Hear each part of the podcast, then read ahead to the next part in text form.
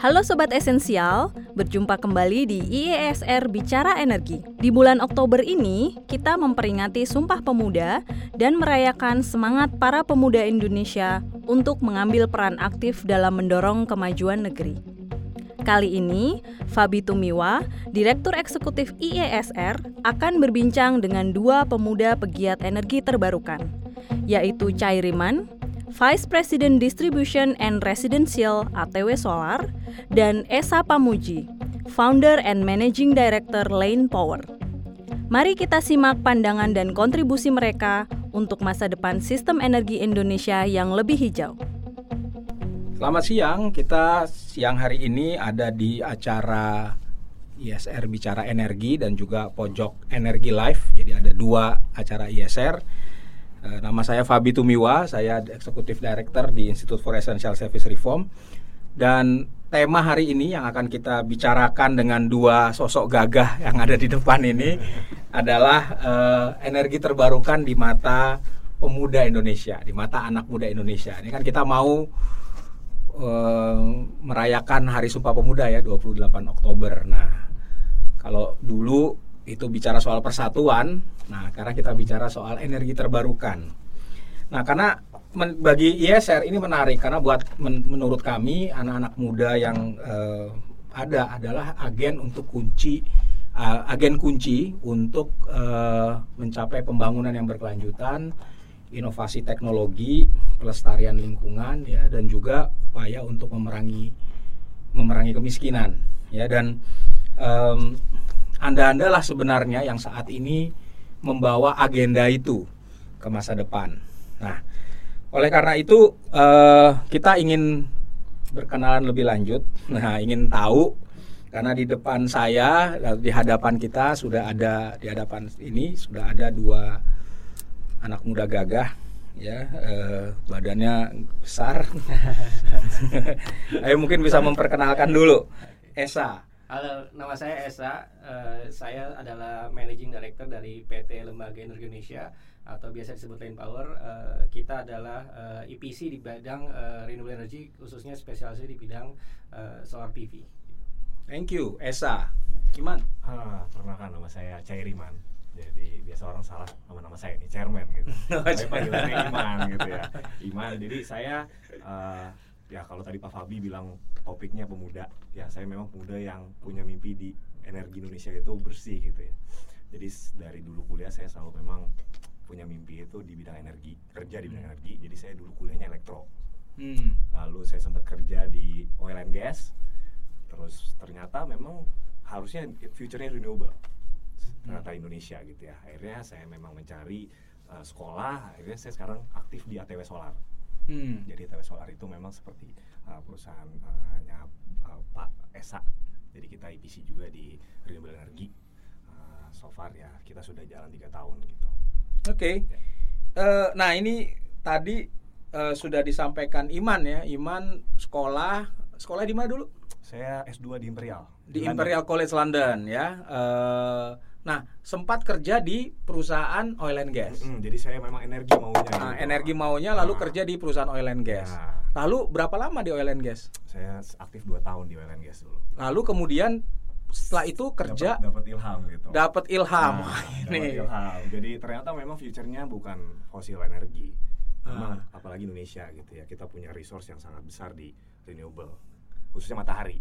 Oke. Okay. Akhirnya saya nah, memang cari sekolah Oh, cari setelah uh itu cari sekolah yang berkaitan dengan renewable energy.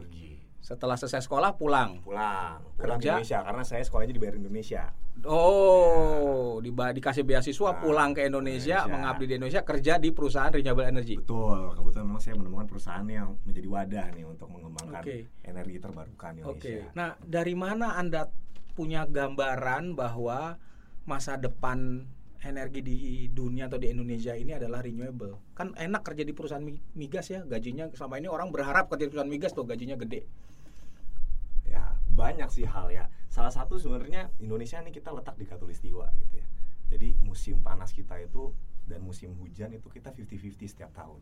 Hmm. Sedangkan saya uh, lihat di negara yang empat musim, yang mataharinya cuma, cuma seperempat tahun, itu mereka sudah uh, bertransisi ke renewable Jadi waktu itu Hmm. saya pelajari memang kok Indonesia aneh nih belum masuk ke renewable gitu. Akhirnya saya pelajari ya ternyata memang Indonesia itu future-nya itu harus di, renewable karena pertama kita banyak resource matahari. Hmm. Terus air pun kita juga punya uh, advantage yang cukup banyak gitu ya. Hmm. Tempat-tempat di mana bisa kita harvest. Jadi kalau kita tidak manfaatkan itu, harusnya kita ya tertinggal lah dari negara lain gitu.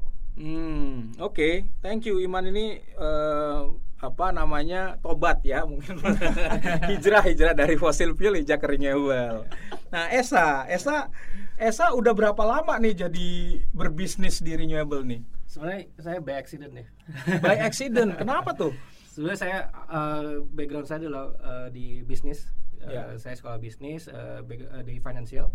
Karir awal sebetulnya di aset manajemen, di sekuritas, lalu uh, pindah properti, terus lalu ke apa uh, grup otomotif.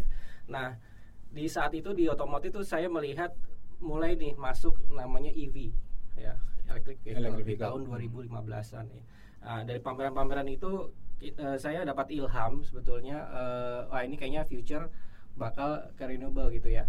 Nah, sambil browsing-browsing pas eh, nggak ada kerjaan eh dapat eh, apa eh, teman-teman dari ITB 79 itu kan rame-rame itu pasang. Mungkin Pak Fabi saya lupa ikut atau enggak tuh ya.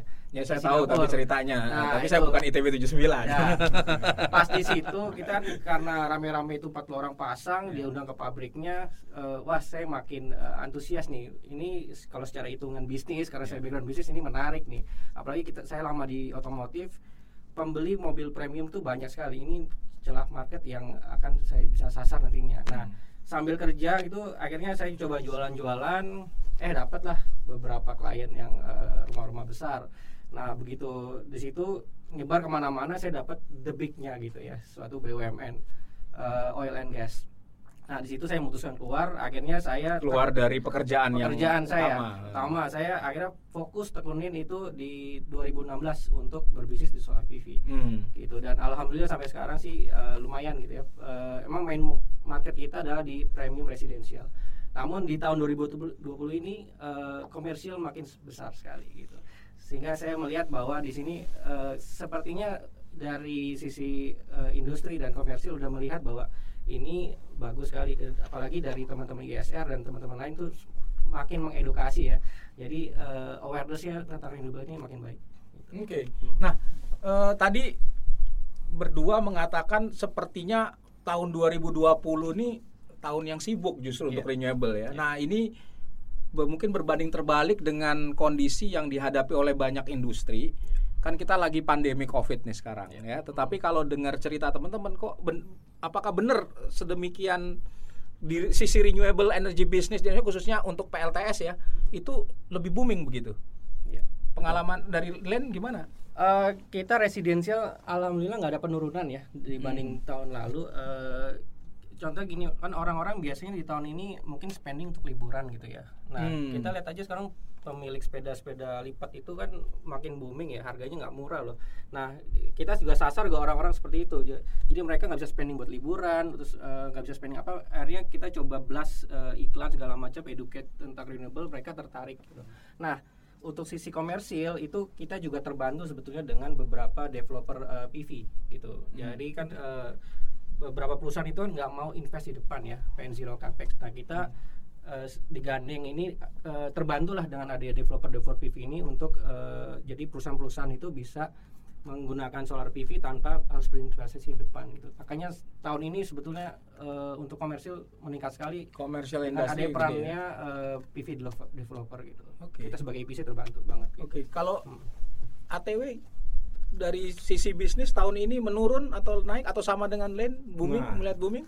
Setuju sekali tadi dengan Pak Pabi tadi ya. Maksudnya tahun ini tuh berbeda gitu dengan uh, industri lain gitu justru di masa Covid. Mungkin hmm, partly juga tadi Pak Esa bilang masalah orang spendingnya itu uh, sekarang lebih ke tempat-tempat lain bukan ke uh, liburan gitu ya. Itu kan Hmm. budget yang cukup besar. Tapi uh, ada juga hal lain yaitu WFH. Jadi Hmm. orang ini kan makin banyak di rumah. Mereka makin banyak pakai listrik.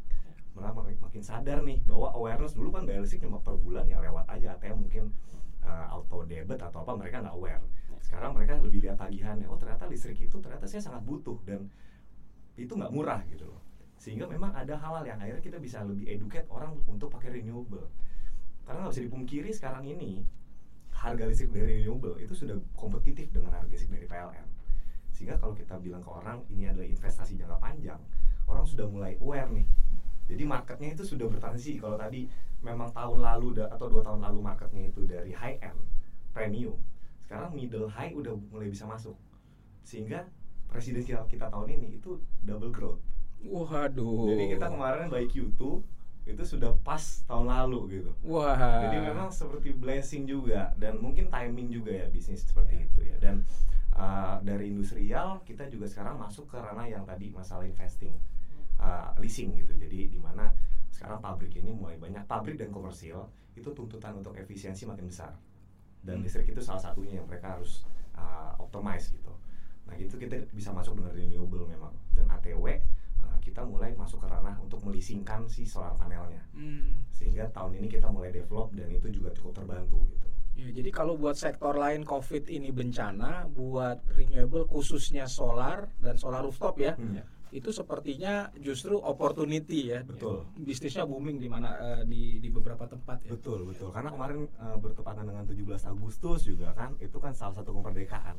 Nah kemerdekaan ini energi juga nih harus merdeka gitu. Oh, jadi, iya, jadi, jadi, jadi yang kita kalau kami itu. bilang itu merdeka dari energi fosil nah, gitu. Kira-kira. Gitu, benar, benar, benar. ya, oke. Okay. Nah, uh, anda kan mewakili generasi muda ya yang ya. mungkin berbeda dengan uh, saya masih muda juga, tapi iya maksudnya oh, dibanding generasi Anda mungkin berbeda ya. ya. Anda kan tentunya generasi yang lebih expose dengan uh, global uh, dunia itu lebih terekspos kemudian harus informasi yang lebih banyak daripada kami yeah. ya saya baru menikmati internet tuh uh, mungkin ketika saya sudah berkuliah berapa puluh tahun tapi anda kan pastinya sudah dari awal sudah berinteraksi dengan internet dan lain-lain apa dengan media sosial nah ada satu fenomena global yang sekarang yang yang menurut kami di kami observasi di ISR bahwa negara-negara uh, bergerak menuju uh, ber, beralih dari penggunaan energi kotor ke energi bersih. Jadi dari fosil, energi terbarukan yang kita di uh, terminologinya adalah transisi energi. Nah, uh, kalau anda pastinya udah mungkin sudah terekspos ya karena bisnisnya di sana. Tapi di lingkungan anda, peers anda berdua Esa dan Iman, uh, apakah di luar yang bisnis renewable tapi maksudnya di teman-teman main Anda, teman gaul Anda itu apakah mereka juga melihat hal yang sama? Esa dulu mungkin. Okay. Uh, eh, renewable ya. Ya, ya, persepsi bahwa dunia sedang bergerak menuju yang lebih bersih tadi yang Iman bilang yang bertobat tadi. Iya. uh, pemberitaan media sekarang-sekarang kan uh, lebih cenderung ke EV ya dan uh, itu teman-teman sekitar kita itu uh, sadar bahwa emang ke depan adalah uh, eranya renewable gitu dan uh, dari beberapa itu juga ada investasi tentang baterai uh, apa mau invest di sini segala macam jadi mereka emang semakin awareness untuk uh, apa namanya tentang EV apa sorry renewable itu makin terbuka lebar gitu. Oh ternyata benar ya solar panel itu uh, bisa mengefisiensi uh, apa listrik segala macam. Terus uh, apa namanya uh, dari sisi biaya mereka mendapat edukasi bahwa oh ya semakin turun harganya dibanding uh, sebelumnya. Itu dari media peran-peran media. Jadi memang uh, dari teman-teman kita sekitar Jun ataupun dari grup-grup uh, itu udah aware bahwa ini uh, suatu uh, apa perubahan pergerakan menuju energi yang lebih bersih gitu. Gitu. Jadi ada melihat tren itu naik? Ya naik. Kalau teman-temannya Iman gimana? Sama. Nah, kalau saya kan circle-nya engineer nih. Uh, gitu nah, gimana? nah ya justru mereka sudah sangat aware gitu ya. Uh, maksudnya nggak bisa dipungkiri dari kita kuliah dulu ya maksudnya itu sudah topik yang hot. Yeah. tapi pun itu aja edukasinya masih kurang. Karena hmm. basically mereka cuma tahu teori. Tapi hmm. implementasinya seperti apa harganya seperti apa. Itu yang mereka juga even saya harus menjelaskan ke teman-teman saya yang basicnya engineer gitu. Jadi ya awareness sudah mulai tinggi sih. Uh, bahkan ke teman-teman saya circle saya yang memang di luar dunia engineering saya gitu ya. Mereka mulai tahu saya bergerak di bidang solar panel, mereka mulai nanya, mulai tahu gitu inisiatif tanpa saya menjelaskan, saya menjual misalnya saya sales gitu ya kan di ATW gitu basically, tapi saya nggak melakukan itu, tapi mereka mulai nanya ke saya gitu loh, jadi cukup menarik sih, dan maksudnya saya sebagai uh, ya orang yang berkecimpung di dunia ini mulai, oh ya bener nih, memang future-nya mungkin memang renewable gitu. Nah, um, kita tahu kalau dari mungkin ya tahu kalau dari sisi kebijakan pemerintah Indonesia kan memang mulai mendorong juga pengembangan energi terbarukan ya. Bahkan kebijakan energi nasional kita dan rencana umum energi nasional kita itu sudah mencanangkan target ya. paling sedikit bauran energi eh, terbarukan hmm. dalam bauran energi primer nasional itu paling sedikit 23 persen ya. dari tahun 2025. Ya. nah saat ini memang masih di bawah itu. Ya. Tapi men, dari kacamata iman ya dengan pengalaman selama ini untuk mencapai target 23 itu adalah target yang ada ada orang yang bilang ya itu target yang muluk-muluk nih gitu. Anda setuju nggak kalau ada yang bilang target yang muluk-muluk? Kalau dibilang muluk-muluk ya masalahnya gini sih setiap target ya itu kan challenge buat kita sama-sama hmm. dan ya kalau ada kemauan pasti ada jalan gitu. Jadi sekarang tinggal gimana nih? Ini dua sisi antara uh, beberapa pihak sih nggak cuma dua sisi ya antara pemerintah sebagai uh, penyedia kebijakan sebagai kita nih uh, mungkin kita dan saya dan Pak Esa nih sebagai pemain memang yang berkecimpung di dunia renewable plus masyarakatnya nah ini interaksi tiga ini yang memang harus benar-benar gimana caranya semua mensupport untuk mencapainya target tersebut gitu. Ya kalau dibilang bisa pasti bisa. Tapi mau nggak gitu. Seberapa seberapa mau gitu. Yang mau nih siapa maksudnya? Semuanya. Semuanya semuanya. ya? dan kita di sini sebagai pemain memang yang berbisnis di sini ya kita melakukan yang terbaik sih. Hmm. itu kita berikan memang benefit sebaik-baiknya sebesar besarnya kepada masyarakat dan ya siapa pun consumer kita gitu loh. Hmm. Oke, okay. nah salah satu hambatan untuk yang selama ini sering kali disampaikan oleh orang bahwa energi terbarukan khususnya solar itu mahal, ya in apa tidak reliable yeah. karena intermittent yeah. terus uh, beresiko ya karena ada yang bilang ya matahari ada di siang hari tapi nggak ada malam hari yeah. gitu. Nah kalau Esa menilai pandangan-pandangan skeptis seperti itu tepat dan masih banyakkah yang dari interaksi dengan konsumen-konsumen atau calon konsumen? Iya, e, rata-rata mereka kan cuma baca baca dari e, sumber-sumber yang kadang nggak apa ya nggak bisa dipertanggungjawabkan ya uh, jadi kita selalu mengedukasi bahwa dan ini pertama selalu solar PV itu selalu dikaitkan dengan baterai baterai baterai on grid padahal ada yang sistemnya on grid yang jauh lebih murah gitu. Nah mereka selalu berpikiran bahwa ini baterai pasti mahal banget dan cepat rusak jadi tidak reliable gitu. Nah kita coba educate yang pertama adalah yang on grid dulu uh, bahwa ini sistem sudah sangat reliable dan selalu kita di selalu, setiap edukasi selalu melihat memperlihatkan produksinya. Terus hmm. berapa sih uh, konsumsi rumah Artinya produksi dari sistem PLTS. Sistem PLTS ya? dan itu kan biasanya ditunjukin orang-orang tuh. Hmm. Tapi dari sisi rumah atau bangunan tuh nggak pernah ditunjukkan konsumsi lotnya sih berapa sih gitu. Nah, hmm. Nah kita selalu uh, saat menjual itu selalu menawarkan namanya uh, semacam energy meter.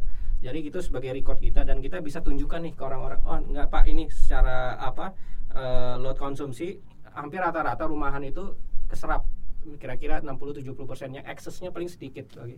Mereka tuh takut bahwa dengan aturan PLN yang baru 0,65 eh, itu kita siang aturan, hari aturan Kementerian SDM. Ya, sorry itu SDM, sorry, ya, itu, SDM itu kejual terus ke ya. PLN. Jadi investasi baliknya lama banget gitu kan. Oh. Kita tunjukin grafik beberapa rumah di Jakarta, ini enggak loh. Yang akses paling dikit sekali gitu. Apalagi mungkin atau rumah Bapak uh, luasnya cuma sekian jadi jadi nggak nggak nggak bisa mengcover semuanya jadi otomatis mungkin 90% ada yang keserap semua paling aksesnya hanya 10% gitu nah situ mereka jadi uh, yakin oh iya ternyata ini bisa menguntungkan banget loh kalau kayak gini ternyata gitu hmm. tapi kalau ekspektasi dari pelang, dari konsumen-konsumen rumah tangga yang pasang yeah. PLTS yeah.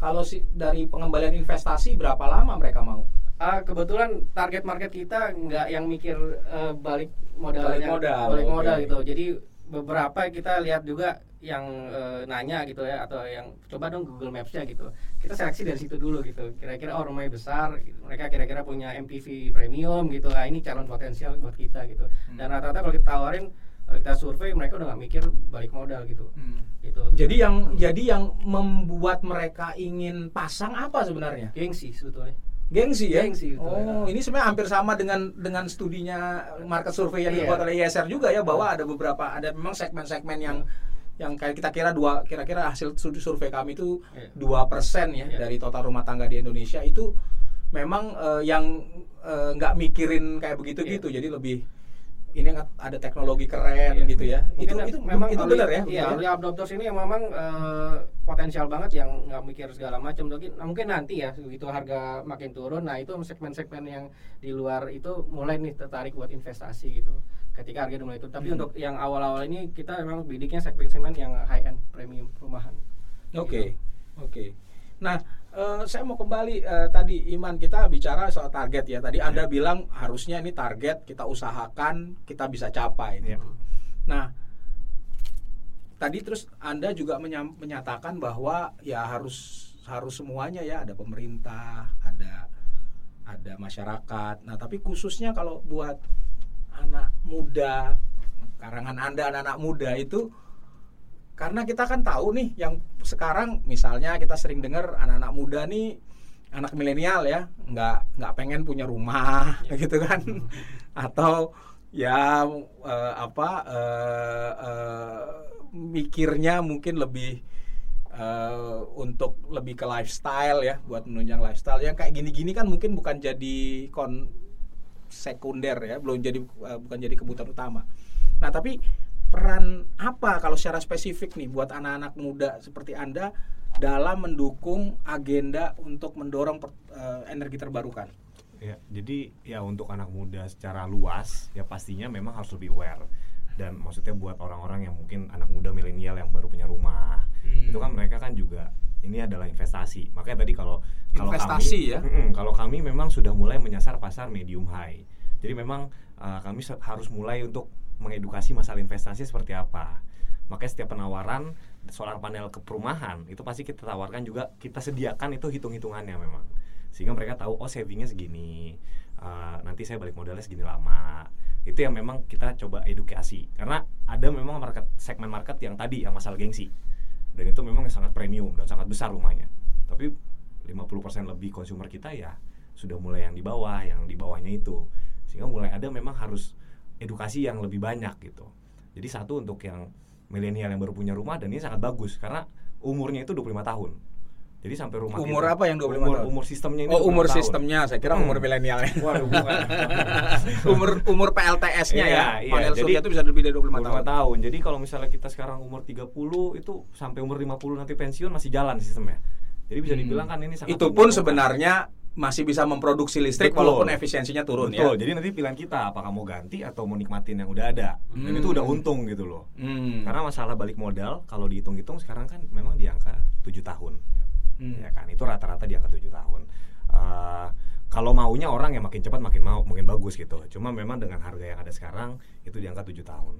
Tapi kalau umurnya 25 itu kan 18 tahunnya gratis menikmati listrik gratis sebenarnya oh, oh. jadi hmm. itu itu jadi investasi gitu. luar biasa sebenarnya luar biasa gitu jadi dibanding mungkin anak-anak milenial kan lagi nyari nih uh, kemungkinan investasi di mana nih yang enak nih hmm. ya kan banyak ya mungkin ke emas mungkin ke mana solar panel salah satu pilihan loh sebenarnya oh iya ya uh, uh, bisa mungkin dibilang begitu sebenarnya investasi jangka panjang yang cukup bagus ya betul karena kebutuhan panel. listrik kita nggak akan kurang hmm. udah pasti dan harga listrik dari historis data historis itu membuktikan 6% per tahun kenaikan dan itu nggak bisa dipungkiri gitu karena semua harga material pasti makin naik makin mahal inflasi pasti ada gitu. Jadi dengan kita beli ini kan seperti beli listrik di depan. Hmm. ya kan? Jadi itu kita menarik beberapa pembelian listrik kita di depan. Sehingga kalau yang nantinya makin mahal kita tinggal beli sisanya aja gitu. Nah itu memang yang yang yang harus lebih aware nah, milenial. Jadi Anda mau bilang bahwa generasi milenial sekarang ayo sebenarnya baru yang baru punya rumah hmm. pasang PLTS hmm. ini investasi ya bukan kon, bukan konsumsi ya betul apalagi kalau dengan pasang itu sebenarnya kita juga berkontribusi untuk kelestarian lingkungan hidup ya karena betul. ini energi terbarukan tidak mengeluarkan emisi gas rumah kaca gitu betul ya. karena ini lifestyle juga ini kan banyak nih anak muda yang mulai pakai apa sendok bawa sendiri. Ini kan oh. kan sustainable living lah. Sustainable living. ah, jadi ini kan salah satu memang yang kelestarian lingkungan. Jadi itu sih yang okay. dan lifestyle kerennya juga dapat karena anak muda kan mainnya smartphone semua online. Nah ini kan kita kalau punya PLTS kita bisa liatin nih ke teman-teman gitu. Hmm, bahkan Wah, kalau misalnya saya... punya remote monitoring kita bisa pamer ya. Ha, ini loh produksi listrik saya betul. di rumah dari PLTS betul. gitu ya. Mimpi saya sih anak muda tuh ntar ngepost Instagramnya itu, wah hari ini saya ngasilin segini gitu. Oh gitu, menarik menarik. Ya, saya kira itu banyak. Nah, uh, uh, studi dari International Renewable Energy Agency yang baru keluar beberapa waktu yang lalu itu mengatakan sampai pada 2019 ini ada 11,5 juta tenaga kerja uh, pada sektor energi terbarukan dan terbesarnya adalah surya. Nah, karena Anda di bisnis surya uh, sekarang punya berapa banyak tenaga kerja totalnya? Total kita uh, di kantor itu sekitar 20, tapi itu di kantor. Mm -hmm. Dan di proyek kita bisa sampai ratusan gitu. Mm. Nah, untuk masalah tenaga kerja ini juga kita pikirkan baik-baik. Karena ini salah satu job creation juga kan, mm. renewable energy. Nah, ATW sendiri kita bekerja sama dengan beberapa institusi pendidikan dalam hal itu. Mm. Jadi awalnya dulu kita waktu membangun uh, perusahaan kita, kita datang ke Politeknik Negeri Jember. Nah, mm. Itu di sana mereka punya uh, elektro tapi mereka mau develop renewable energy gitu khusus. Hmm. Akhirnya kita datang ke sana kita karena punya expertise, kita bawa materinya, kita latih dosennya. Nah, pada saat itu mereka dosennya bawa ke baru ke mahasiswa. Jadi sekarang total itu setiap ada lulusan pasti kita akan hire gitu sesuai dengan kebutuhan proyek. Tapi kita. dalam ini kan udah tiga tahun ya. Dalam tiga tahun ini berapa peningkatan penyerapan tenaga kerjanya? Uh, total uh, per tahun sekarang kita total udah mungkin hampir 50 orang kita sudah uh, okay. sudah karyakan dari sisi politeknik ya. Dan Tapi di luar itu di luar itu masih ada lagi itu ada yang tenaga pemasang. Nah, oh, itu kita kerjasama okay. dengan SMK. Nah, hmm. jadi SMK uh, Binaan Jarum Foundation di Kudus itu mereka punya memang yang elektro. Nah, kita datang sama nih sistemnya. Kita datang latih gurunya, gurunya melatih muridnya gitu. Jadi jadi materi gitu, jadi modul. Hmm. Nah, harapan kita adalah harusnya tahun depan kita sudah bisa menikmati benar-benar pemasang itu full dari uh, tenaga-tenaga yang lulusannya memang renewable energy. Jadi memang uh, pengalaman Anda dengan bisnis yang berkembang itu memang bisa menyerap tenaga kerja. Betul, betul. ya. Jadi sebenarnya ini harus dapat penghargaan dari pemerintah karena men, karena bisa menciptakan lapangan kerja khususnya di masa-masa pandemi ini di mana orang banyak layoff ya. Betul. itu sangat betul. bisa nyerap dengan tumbuh uh, tadi ya. Betul. Narik. Nah, kalau pengalaman ESA itu uh, dari sisi tenaga kerja Gimana? Nah, kita sebetulnya uh, pengen justru menyasar tenaga-tenaga kerja lulusan SMP, SMP bahkan SD hmm. yang nggak punya ijazah, yang nggak punya kesempatan untuk ngelamar di perusahaan-perusahaan gitu. Hmm. Nah, jadi kenapa milihnya begitu? Kan beresiko nih. Ya. Kalau orang lain melihat ya sektor ini, wah kalau begitu ber ber, beresiko dong. Tapi anda kok mau, mau arah ke sana justru? Ya, jadi uh, pasti selalu dalam proyek kita latih dulu mereka cara memasang uh, eh, MC4 gimana, kabel gimana, dan pasti lalu mereka kita awasin dengan satu engineer yang tentunya lulusan S1 uh, eh, elektro ya. Nah, uh, saya ingin mereka-mereka uh, ini daripada mereka uh, cuma jadi ojol, cuma jadi tukang parkir gitu ya. Kita coba latih gimana sih mereka supaya bisa mendapatkan pendapatan yang lebih baik dan kehidupan yang lebih baik gitu. Nah, sedangkan yang punya ijazah-ijazah ini kan mereka sebenarnya punya kesempatan lebih untuk melamar-lamar ke perusahaan-perusahaan besar. Tapi yang di bawah ini yang punya ijazah itu kasihan gitu kalau mereka uh, taraf hidupnya uh, gitu-gitu aja gitu nggak ada peningkatan. Nah, kita pengen mengangkat derajat justru orang-orang yang nggak punya ijazah yang nggak punya kesempatan uh, untuk kerja di perusahaan-perusahaan besar. Jadi sebenarnya PLTS ini menarik ya, maksudnya memang tidak butuh dan ini hasil studi kami juga di ISR memang tenaga kerjanya itu nggak butuh yang high skill banget gitu ya, tapi yang low skill tapi kemudian memang dilatih dan mengikuti protokol itu bisa dan ini memberikan peluang kerja ya, apalagi di Indonesia yang lulusan SD dan SMP itu lebih banyak sebenarnya kan? Ya nggak bisa melanjutkan. Dan mereka yang selama ini mungkin kerja di sektor informal atau bahkan eh, apa susah ya mendapat susah mendapat kerja kerja formal karena sekarang kan dibutuhkan ijazah dan lain-lain ya. Jadi itu itu pengalaman anda. Dan tapi pengalaman selama ini kemudian responnya gimana tuh? Artinya Anda puas dengan kualitas kerja uh, dari dari tenaga kerja ini? So far uh, kita puas dengan hasil training kita untuk uh, mereka dan bahkan misalkan kita lagi nggak ada kerjaan, mereka akhirnya bisa nyari kerjaan ke IPC-IPC lain gitu. Oh, saya hmm. pernah kerja di lane nih. Uh, kita udah terlatih sekian uh, ratus KW, sekian mega gitu. Uh, jadi orang-orang uh, ini yang tadinya nggak dianggap siapa-siapa gitu, akhirnya bisa dianggap karena mereka punya keahlian untuk uh, jadi uh, installer solar PV. Gitu. Saya ingat nih kayak yang dilakukan oleh tech company di Amerika beberapa ya mungkin ya yang beberapa itu kan sudah mulai misalnya menerima uh, orang-orang yang coding tanpa harus punya ijazah hmm. begitu ya. Nah ini mungkin solar menarik juga jadi ijazahnya itu by experience gitu ya ya ya lulusan SMA SMK yang mungkin justru kalau bekerja masuk ke perusahaan-perusahaan susah ini justru dapat kesempatan lebih ya. Nah, eh, ini kan sektor yang masih kecil di Indonesia. Kalau kita lihat sekarang solar itu total di kita ini udah pada Indonesia memang udah ngembangin solar mungkin udah lebih dari 40 tahun. Sayangnya kita baru totalnya kalau nggak salah hitungannya 200 mega nih. Yeah. Nah, eh, uh, sementara kita punya potensi yang gede banget. Studi ISR aja uh, yang kami lakukan potensi untuk PLTS atap di seluruh Indonesia ya dari perumahan aja nih perumahan aja kan kami pernah studi dan kita keluar dengan perkiraan potensi teknis 655 gigawatt peak itu dengan uh, jumlah rumah tahun 2014 ya 2014 2015 ini kan gede banget. Ini sekarang 200 mega seluruhnya. Mungkin udah nambah ya karena banyak industri belakangan mulai pasang dan lain-lain. Nah uh, tapi uh, dan kalau kita lihat target tadi Ruen 23 persen uh, energi terbarukan itu uh, totalnya bisa sampai puluhan puluhan uh, ya kalau Surya sendiri kan kalau yang awalnya 6,5 giga. Nah, dari 200 ke 6,5 giga dalam waktu lima tahun, Anda optimis nggak? Kalau ngelihat tren sekarang yang double gitu, uh, ada op, ada optimisme kita bisa capai? Eh, pastinya saya ada optimisme ya. Uh, dalam hal ini karena kan untuk sekarang itu bisa dibilang tadi masih early adopter orang-orang yang beli solar panel hmm. jadi orang-orang yang punya kapital lebih punya uang lebih untuk bisa beli tapi sekarang trennya memang lebih ke leasing dan cicilan hmm. nah pada saat itu memang solar panel akan menjadi consumer product buat masyarakat luas jadi pada saat itu tercapai terjadi itu pasti bisa tercapai ditambah dengan development development PLTS di skala uh, utility yang, yang yang dilakukan oleh PLN ya itu akan membantu semua dari segala pihak untuk mencapai enam setengah gigawatt tadi kira-kira hmm. gitu. Esa sama pendapatnya? Optimis pas dong. Harus, harus. ya bisnis harus optimis nih.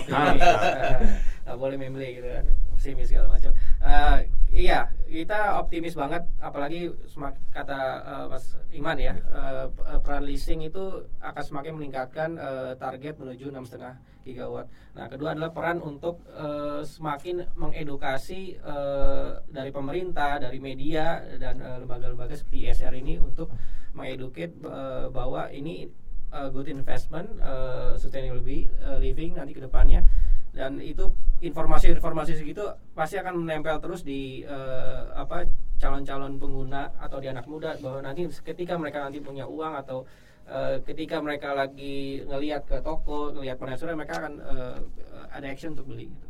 dan uh, itu dari sisi residensial dan komersial pun saya saya yakin kalau tanpa ini terrealisasi 6 gigawatt mungkin investasi yang pabrik-pabrik uh, tadi yang mengharuskan RS 100 itu akan kabur ke luar negeri gitu pemerintah tidak uh, apa uh, meng uh, meng, meng uh, apa menggolkan untuk aturan-aturan yang lebih hmm. uh, untuk investor dan uh, lain-lainnya gitu. Ya, put in context wow. tadi yang RI 100 hmm. RI 100 itu hmm. kan ada perusahaan-perusahaan multinasional memang yeah. yang sudah punya target yeah. untuk menggunakan listriknya atau energinya 100% dari energi terbarukan ya yeah. dan dan itu kita tahu perusahaan-perusahaan multinasional yang yeah. udah berinvestasi di Indonesia hmm dan mereka sebenarnya ingin ke sana ya, tapi yeah. kita tahu uh, apa tidak terlalu mudah mungkin ya. Yeah. Nah, tapi tadi Esa bilang menarik juga bahwa kalau nggak dipermudah nah, gitu ya untuk bisa mencapai itu mungkin mereka nggak akan investasi atau ekspansi di sini dan ini mungkin bertentangan ya dengan dengan keinginan iya.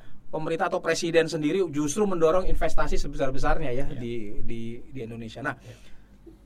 dalam banyak hal kan tadi kita men untuk mencapai kebijak uh, mencapai target dari kebijakan itu salah satu yang penting itu adalah uh, kebijakan pemerintah sendiri yang um, membuat agar uh, enabling environment untuk investasi dan bisnisnya bisa tumbuh. Nah, kalau dari pengalaman Anda atau pandangan Anda untuk membuat supaya bisnis energi terbarukan lebih booming dan memberikan kesempatan tadi ada kesempatan kerja, investasi buat anak-anak muda ya dan ini kan banyak dampak positif sebenarnya. Saran kepada pemerintah apa? Nah, ini menarik nih.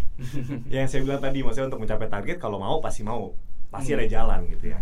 Dan sebesar apa kemauannya? Jadi mungkin saya bisa berkaca dulu mungkin ke negara awal yang benar-benar memang menggalakkan solar panel itu Jerman ya, hmm. di mana orang di sana pasang solar panel itu dia sangat dihargai, bahkan hasil solar panel dibayar lebih mahal daripada kalau mereka beli listrik dari yang kita tahu kebijakan namanya fit in tarif ya. Betul. Nah itu mereka dihargain sangat dihargain gitu. Justru atau ada di negara lain seperti di US di California gitu yang dikasih uh, tax rebate gitu. Jadi mereka bayar taxnya lebih murah gitu. Ada mungkin pengembalian tax sehingga investasi awalnya itu sudah di cover oleh pemerintah bisa dibilang.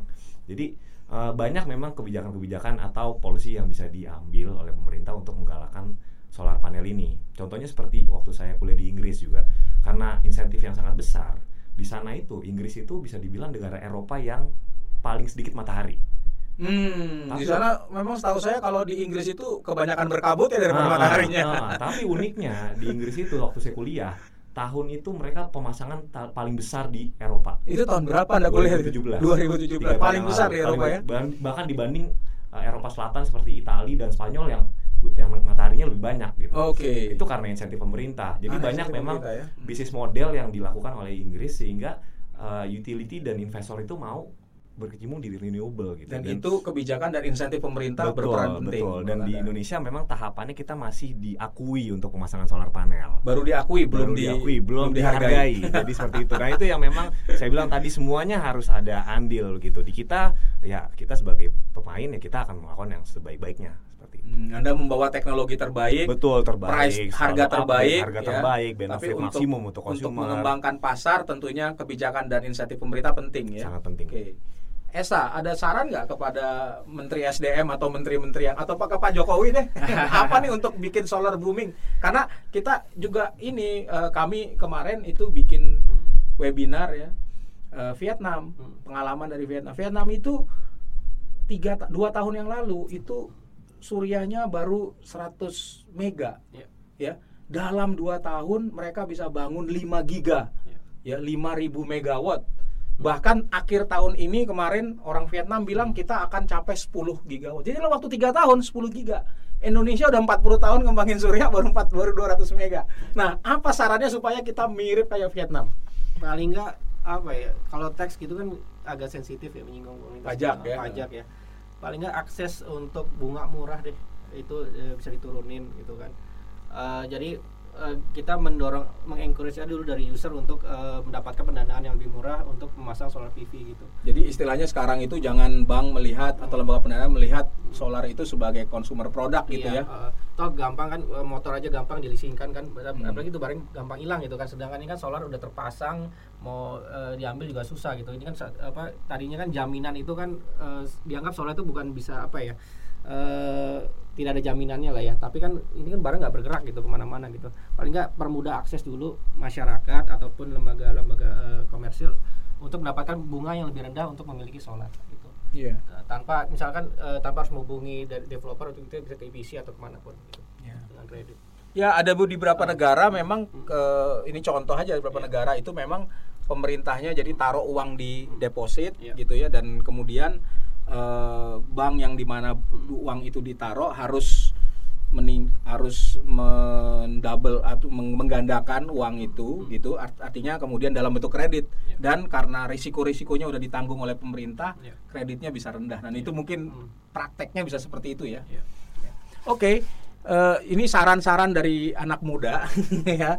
Dan sekali lagi solar ini ya kalau ISR pernah menulis ini memang bagian yang kalau kita mau dari COVID sekarang mau green recovery, kami pernah bilang bahwa strateginya memang dorong PLTS atap. Kenapa? Bisa menyerap tenaga kerja cepat. Dan tadi yang apa eh, bisa menyerap tenaga kerja yang tanpa perlu keahlian yang em, yang tinggi-tinggi ya. Dan justru kan sekarang yang terdampak juga banyak ya. Yang sektor-sektor informal yang terdampak buruh ya.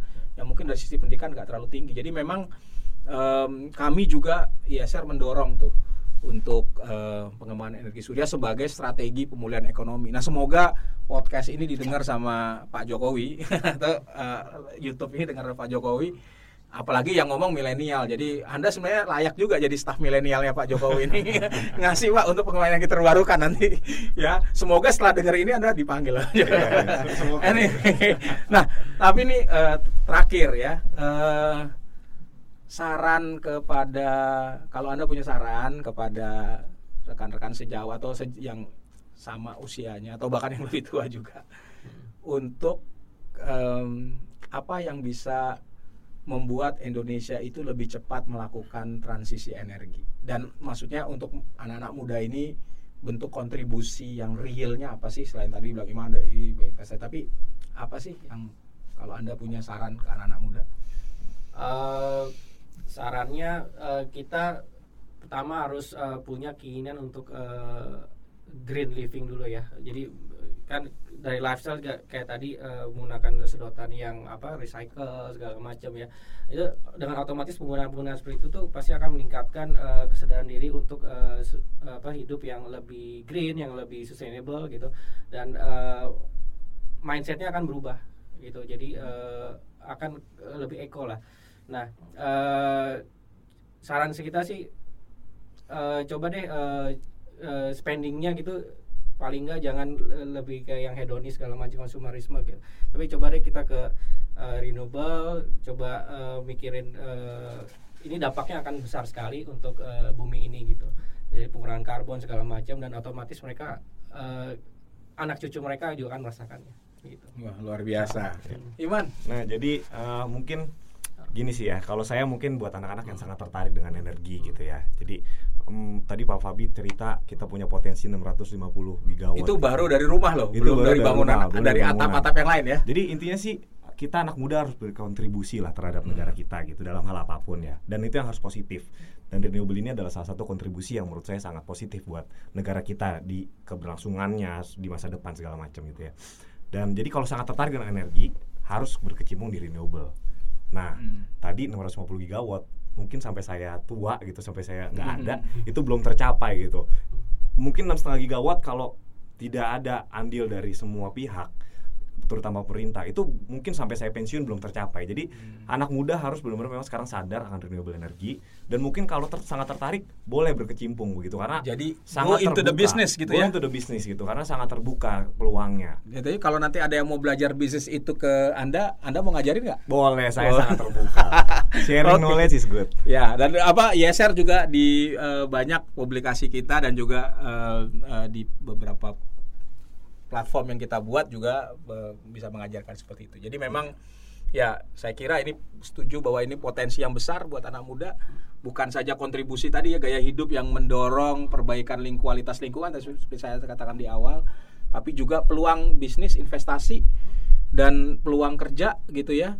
Jadi mungkin anak muda se Indonesia bersatulah sekarang minta pemerintah energi terbarukan jangan hanya 23 persen kalau boleh 100 kalau bisa 100 persen gitu ya anda anda setuju. anda setuju setuju, setuju, setuju okay. baik oke okay. terima kasih kira kita udah sampai di akhir acara kita uh, ini adalah double double program jadi ISR bicara energi ya dan yang uh, di uh, podcast dan kemudian uh, pojok energy life ya yang juga akan ditayangkan di kanal YouTube ISR. Terima kasih Esa dan Iman. Makasih Pak Faldi. Sukses selalu ya dengan bisnisnya dan semoga bisa lebih banyak lagi memberikan uh, dampak positif nih ke Indonesia. Ya, terima kasih dan sampai ketemu lagi. Pemuda memang menjadi tonggak masa depan Indonesia, termasuk di sektor energi terbarukan. Apakah kamu punya pandangan dan cerita tentang peran pemuda untuk transisi energi di Indonesia? Sampaikan ceritamu melalui Instagram at iesr.id dan Twitter at iesr. Sampai jumpa di IESR Bicara Energi selanjutnya. Terima kasih.